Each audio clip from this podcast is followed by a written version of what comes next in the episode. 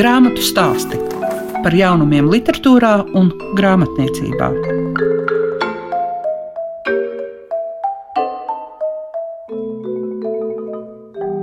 Esiet sveicināti visi tie, kas šobrīd klausās grāmatu stāstus. Kopā ar jums ir Liega Piešiņa.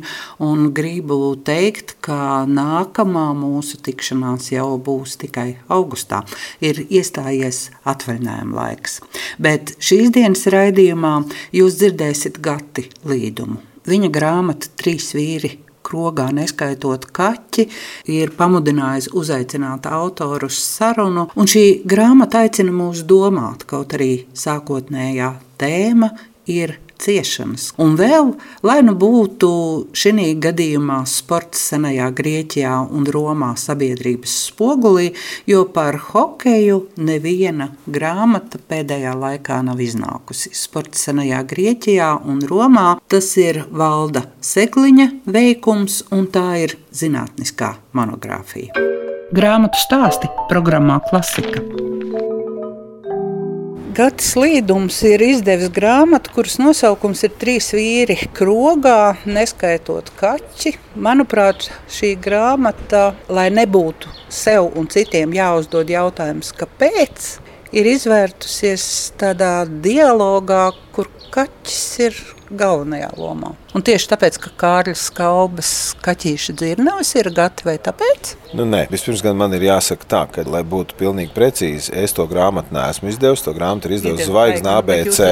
Jā, Zvaigzne ABC ļoti liels paldies arī par to, ka viņiem bija drosme šādu nišas produktu tomēr nolemt drukāt. Bet nu, izrādās, ka viņiem deguns ir ļoti labs, jo pirmā tirāža, cik es tā sapratu, pagājušajā nedēļā ir izpārdota. Tā nav slikta zīme. Un kas attiecās uz Kārļa Kalbas kaķīti, Es vispār izsens jau esmu tāds Kārlis Kalbas talanta cienītājs, un man liekas, žēl, ka viņš uzrakstīja tikai tik, cik viņš uzrakstīja, jo man liekas, tam vīram galvā bija ļoti dziļas un labas domas. Taču ne tāpēc es izvēlējos Skalbi, ka viņš, manuprāt, ir brīnišķīgs domātājs un rakstnieks, bet e, gan tāpēc, ka, kā jau es tur grāmatas ievadā rakstu, es nevarēju atrast latviešu nevienu grāmatu, monogrāfiju, kura nodarbotos ar ciešanu diskursu. Nu, lietošu to smalko vārdu diskursu vairāk nelamāšos šajā sarunā. Tas būs vienīgais, es ceru. Un tad citās valodās ir. Jā, tad tie trīs kungi, kas tur runājās, viņi visi ir uzrakstījuši grāmatas par to, un nevienu vienu nu, latviešu nav uzrakstījuši. Tā kā es no dabas esmu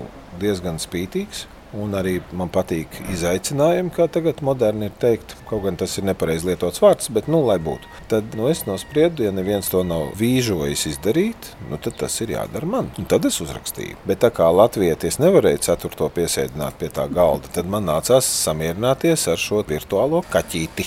Un eh, es domāju, ka viņš savu lomu pilda ļoti labi šajā grāmatā, jo nekādu Ameriku jau es neesmu atklājis. Un ļoti pareizi jau arī savulaik ir teicis, kā toreiz uzskatīja pasaules gudrākais cilvēks Ķēniņš Salamans, ka nav nekā jauna zem saules. Viss, kas notiek šodien, jau kādreiz ir bijis. Un arī šī grāmata pēc formas nav ne ar ko unikāla, jo jau grieķu romiešu tekstos šis dialogu princips, runājot par kaut kādām svarīgām lietām, ir atstrādāts nu, līdz detaļām. Tur ir vis visādi dialogu filozofu darbos, kur vairākas vai nu virtuāls vai reāls personas risina kaut kādus jautājumus, un tad caur šo dialogu tu pats vari pieslēgties tam jautājumam un dabūt savu atbildi. Nu, tā bija tā doma. Tad, kad jūs kā galveno izcēlāt tēmu ciešanas, vai jums nebija tomēr vilinājums runāt par sērām? Vienu brīdi, jā. Taču, nu, atkal, ja jūs paskatīsieties, kā tur kaut kādi klīniskie psihologi disertācijas rakstot šo visu dala, atomizē ļoti mazās daļās, Protams, ka tur nošķir sēras un ciešanas un tā, taču es uzskatu, un man ir pamats tā uzskatīt, ka sēras ir ciešanu monētas otra puse. Tie procesi mūsu smadzenēs, tīri neirobioloģiski skatoties, tur ļoti cieši ir saistīti. Tur plus mīnus viena tie paši centri strādā. Tad, kad mēs bēdājamies, tad, kad mēs sērojam, tad, kad mēs piedzīvojam ciešanas, līdz ar to es personīgi nenošķirtu sēras no ciešanām. Tas ir tā paša ķekara vēl viena odziņa.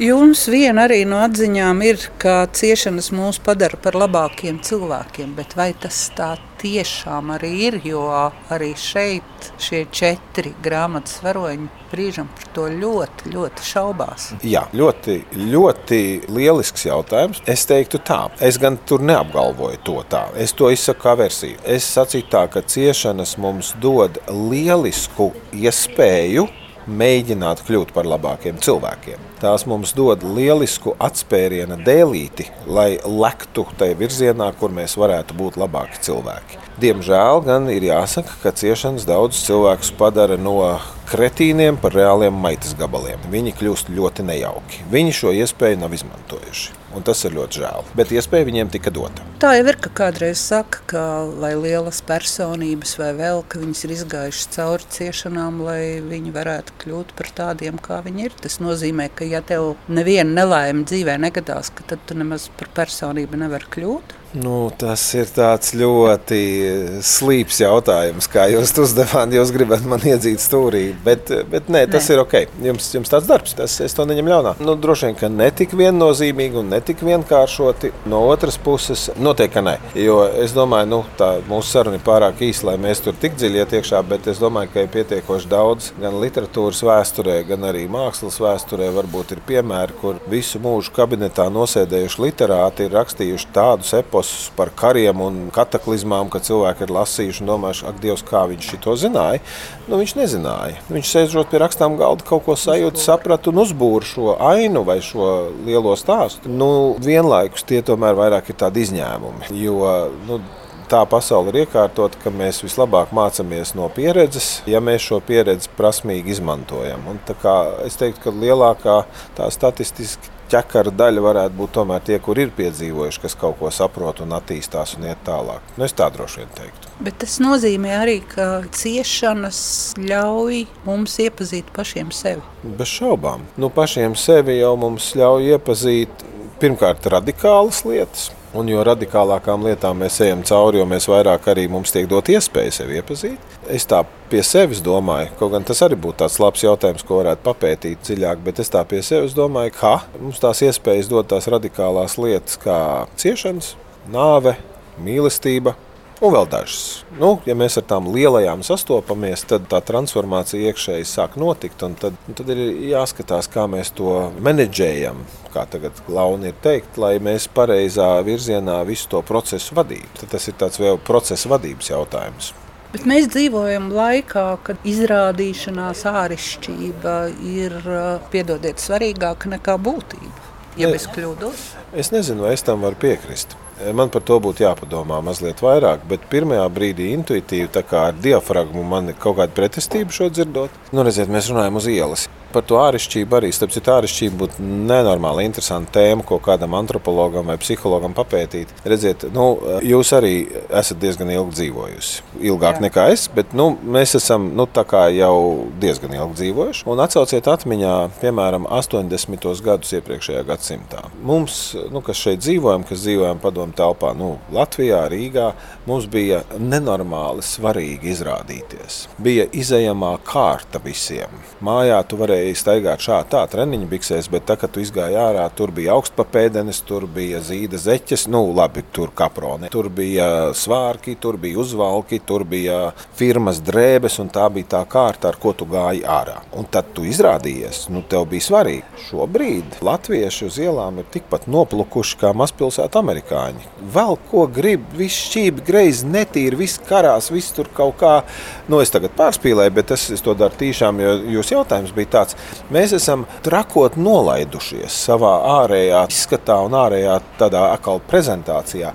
Tā kā Nu, es nesaredzu ik uz soļa ikdienā to izrādīšanos. Nu, es nesaredzu. Protams, ka izrādīšanās ir saistīta ar kaut kādiem dziļākiem psiholoģiskiem procesiem. Tā varētu būt kaut kāda zināma kompensācija vai zināma cita procesa, kur mums liek izskatīties labākiem nekā mēs patiesībā esam. Vai arī kā angļu tajā izteikumā, ka mēs vienmēr gribam labo kāju likt pa priekšu.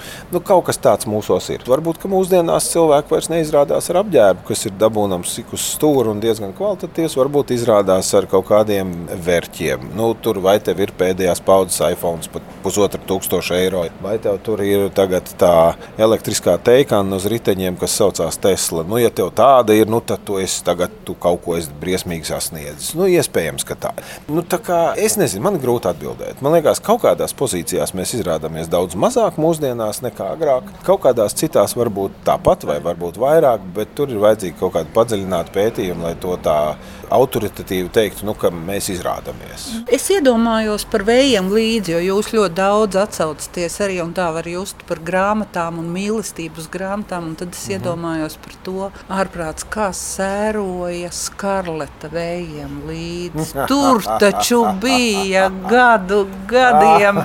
Ai, dieniņa, ziniet, psiholoģijas literatūrā, ko es lasu darba darīšanu dēļ, par Skarleto Haru ir diezgan daudz rakstījuši. Teiksim tā, par viņas psihopatoloģisko buķeti. Daži nedažādu. Tur ir viens otrs tāds domājošs psihologs par Skarleto Haru rakstījis. Un, Cik atšķirīgi mēs to darām šodien? À, nu redz, jā, varbūt. Varbūt mēs to darām kaut kādā ziņā atšķirīgi, un kaut kādā ziņā mēs to varbūt darām vienkārši nepamanāmi. Jo Redziet, manuprāt, lielākā grūtība mūsdienās, ja mēs runājam par to, kā vispār sabiedrība vai cilvēki par kaut ko domā vai uz kaut ko reaģē, ir tā absolūti ārprātīgā atomizācija. Mums nav konsensa sabiedrībā vairs nevienā jautājumā, vispār nevienā, un šis process pātrināti iet uz priekšu ja vēl, nu, es vienreiz pieminēju, pieminēšu otrreiz, ja, ja teiksim, nu, tie paši 20. gadsimta 80. gadi, sevišķi otrā puse, tad, kad es biju jauns, spēcīgs un gājis visādām jau demonstrācijām pret metro tur 88. gadā, un nu, tur bija ļoti daudz interesantas lietas, kas jau sāk notikt vēl tieši pirms Gorbačova. Bija tā, ka viņš jau nāca pie varas pirmie gadi, un tad, redziet, mēs bijām diezgan unificēti. Ja tas bija latvietis, nu, mēs apmēram zinājām, nu, viņš, viņš apmēram velk šitādas drēbes, viņš nestaigā treniņu biksēs, jo tā staigā Krievi, viņš mēģina staigāt citās biksēs, un, un viņš klausās tādu mūziku, jo to klausās latvieši. Viņš domā tā, viņš sapņo par neatkarību, bet viņš zina, ka viņš nedrīkst par to skaļi runāt. Un, nu, ja tu runā latviešu, un ja tu dzīvo latviešu vidē, ā, nu tad tu esi tāds.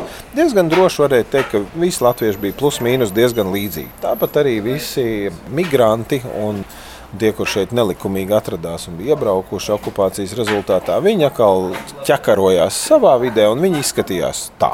Bija diezgan skaidrs un vienkārši ar to lietu. Tagad mēs esam tik nenormāli atšķirīgi. Pilnīgi nav skaidrs, ko kurš lasa, ko kurš skatās. Ar ko kurš sajietās, ko viņi domā, ko viņi plāno, kas viņiem ir galvā. Nenormāla atšķirība. Līdz ar to mēs vairs nevaram teikt tā, ka, ah, nu, šitie dara šitā, jo šito jau nav katrs ir pa sevi. Tā kā es pieņemu, ka kāda vai kāds varbūt iet līdzīgi cauri procesiem kā Skarleta O'Hara. Varbūt kāds neiet tiem cauri, bet tā teikt, ka mēs šobrīd darām vairs ne tā. Es nezinu. Es nesaredzu, ka mēs tā varam teikt. Jo mēs esam tik ļoti atomizēti, ka tāds konsensus vairs nav. Es to neredzu sabiedrībā. Mums nav vienošanās kaut kāda sociālā vispār ne par ko. Un ar vien mazāk kļūst iespējas to panākt. Un tad un eh, par to jau arī lieli humanisti un domātāji runā par to, ka tas eventuāli ved pretī pieaugušai tendencei uz totalitārismu. Jo brīdī, kad neko vairs nevar sarunāt un trūkst konsensus, tad demokrātijai ir jāķerās pie radikāliem rīkiem un jāsaka, zin ko, demokrātijas tagad mums pietiek, tagad mēs darīsim šitā tā ir neizbēgama nepieciešamība. No otras puses, tas tomēr ir solis autoritārismu virzienā. Tas ir ļoti nopietns jautājums, ar ko mums būs jānodarbojas nākotnē. Īstenībā mēs ar to jau nodarbojamies. Bet ir taču tā, ka jūsu grāmata trīs vīri krogā, neskaitot kaķi, galvenais ir tas, ka tu sāc domāt pats un patstāvīgi. Nu, tā jau ir mana tāda vaduguns bijusi manā domāšanā nemitīgi. Un patiesībā nu, man ir četras augstākās izglītības. Man ir daudz dažādu papīru uz sienas salīmēti, bet es tiešām arī tos neesmu nopircis, bet es tos esmu iegūmis godīgā darbā un godīgās aizstāvēšanās publiskās un tā. Un man jau tas patīk, redziet, jo, manuprāt, vienīgais, kas to mūsu hiperatomizāciju var kaut kādā veidā izglābt, ir atsevišķi indivīdi, kuri sāks domāt. Un, ja cilvēks ir sācis domāt, ziniet, tad uh, man ir jāpievienojas Džordžam Orvelam un Rējam Bredberijam. Ja viņš ir sācis domāt, viņš ir kļuvis bīstams. Visiem, tikai ne pats sev. Viņš ir sācis kļūt neatkarīgs, viņš ir sācis kļūt eh, spējīgs nopamatot, kāpēc viņš domā tā un ne savādāk. Viņš ir kļuvis spēcīgāks. Un, ja viņš ir spēcīgāks, tad labi, ļoti labi tas ir priekš viņa tuvākās apkārtnes un eventuāli arī priekš tālākās apkārtnes. Un tāpēc mans arī kā psihoterapeita izglītības rezultātā, nu, tas darbs, ko es daru, ir vērsts uz cilvēku lielākas tādas, nu, lielākas izpratnes pašam par sevi un par apkārt esošo pasauli veicināšanu. Un tāpēc arī tā grāmatiņa to atspoguļo. Es esmu ļoti priecīgs, ka jūs to uztvērāt, izlasot, ka tā doma ir tieši tāda. Jo tur neviena klišejas atbilde nav. Tur viss ir eh, atvērts un atstāts. Nu, par tik, par cik es tur varēju ievirzīt, kaut ko es to izdarīju, bet uh, viennozīmīgi nē. Un man jau pāris cilvēki, kas ir izlasījuši, viņi ir teikuši tā draudzīgi. Es saku, klausies, nu tu varēji vēl vienu nodaļu pielikt, nu kā tad īsti ir tā lieta jādara. Es teicu, nu bet tieši tā bija tā doma, nelikt to nodaļu. Jo tev ir jāsāk domāt, un tev ir jāsāk sajust, kas tu vispār esi un kā tu ar šo tiks galā. Jo galējā instancē jau tu pats arī ar to būsi spiests tikt galā. Tāpēc sākam domāt tagad, lielākas cerības kaut ko izdomāt pēc kāda brīža. Grāmatu stāsti tiem, kam grāmatu lasīšana ir vērtība. Valdis Segliņš sports senajā Grieķijā un Romā sabiedrības spogulī. Tā saucas grāmata, kur liek domāt gan par šodienu, gan par seniem laikiem. Bet, Valdi, tu neesi aktīvs sportists ikdienā. Kas tev mudināja pievērsties senai Grieķijai un Romai tieši sporta aspektā? Varbūt tas ir viens no uzskatāmākiem piemēriem, kā ļoti labu ideju, uzturētu kultūras tradīciju var ņemt un reducēt, sekojot masu kultūrai, sagraut, nopostīt un zaudēt.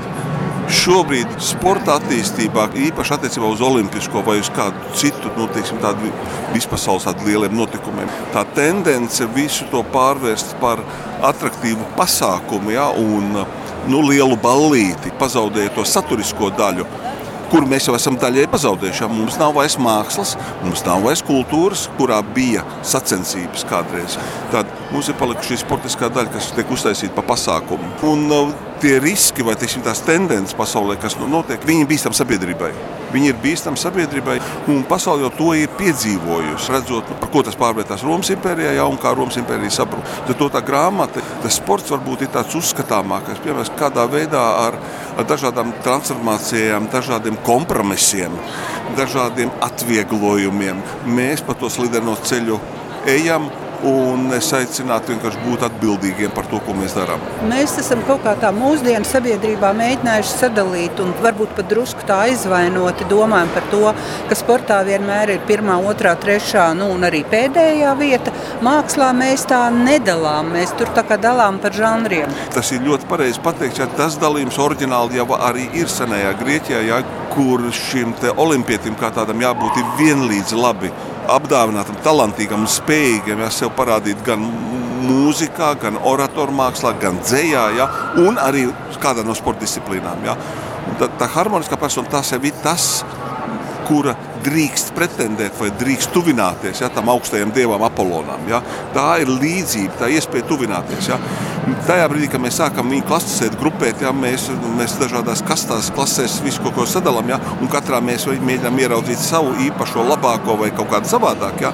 Ir skaidrs, ka mēs to kopīgo to mērķi, ja, kā tādu, nu, mēs, mēs esam sen pazaudējuši attīstot ļoti šauros, specifiskos sporta veidos, kuros mēs īpaši gribam izcelties, bet mēs jau pazaudējuši esam to mērķi, kāpēc to. Ja? Un tā kritiski tā šodien paskatīsimies, ja atklāšanas ceremonija Olimpiskām spēlēm vai noslēguma ceremonija, ja, ko skatās milzīga pasaules daļa, ja, vai pēc noskatīšanās kāds tāpēc iet sportot. Nē. Paldies, jūs atbildējāt.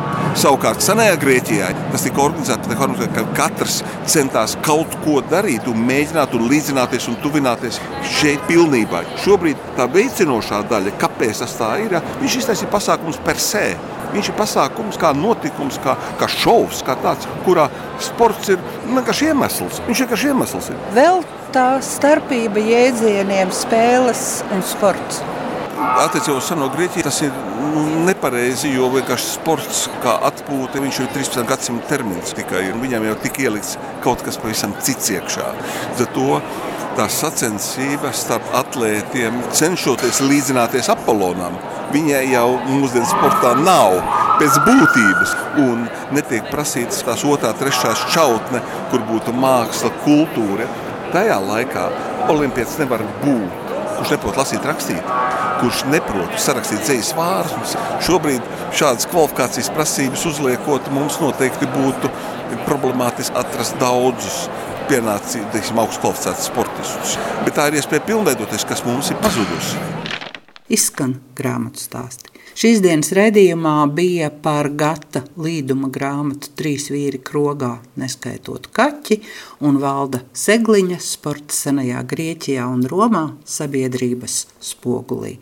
Kopā ar jums bija Lieka Piešiņa, un tagad mūsu tikšanās būs augusta sākumā. Visu labu! Grāmatu stāsti par jaunumiem literatūrā un grāmatniecībā ik trešdienu, 9.5. ar atkārtojumu Svētdien, 18.15.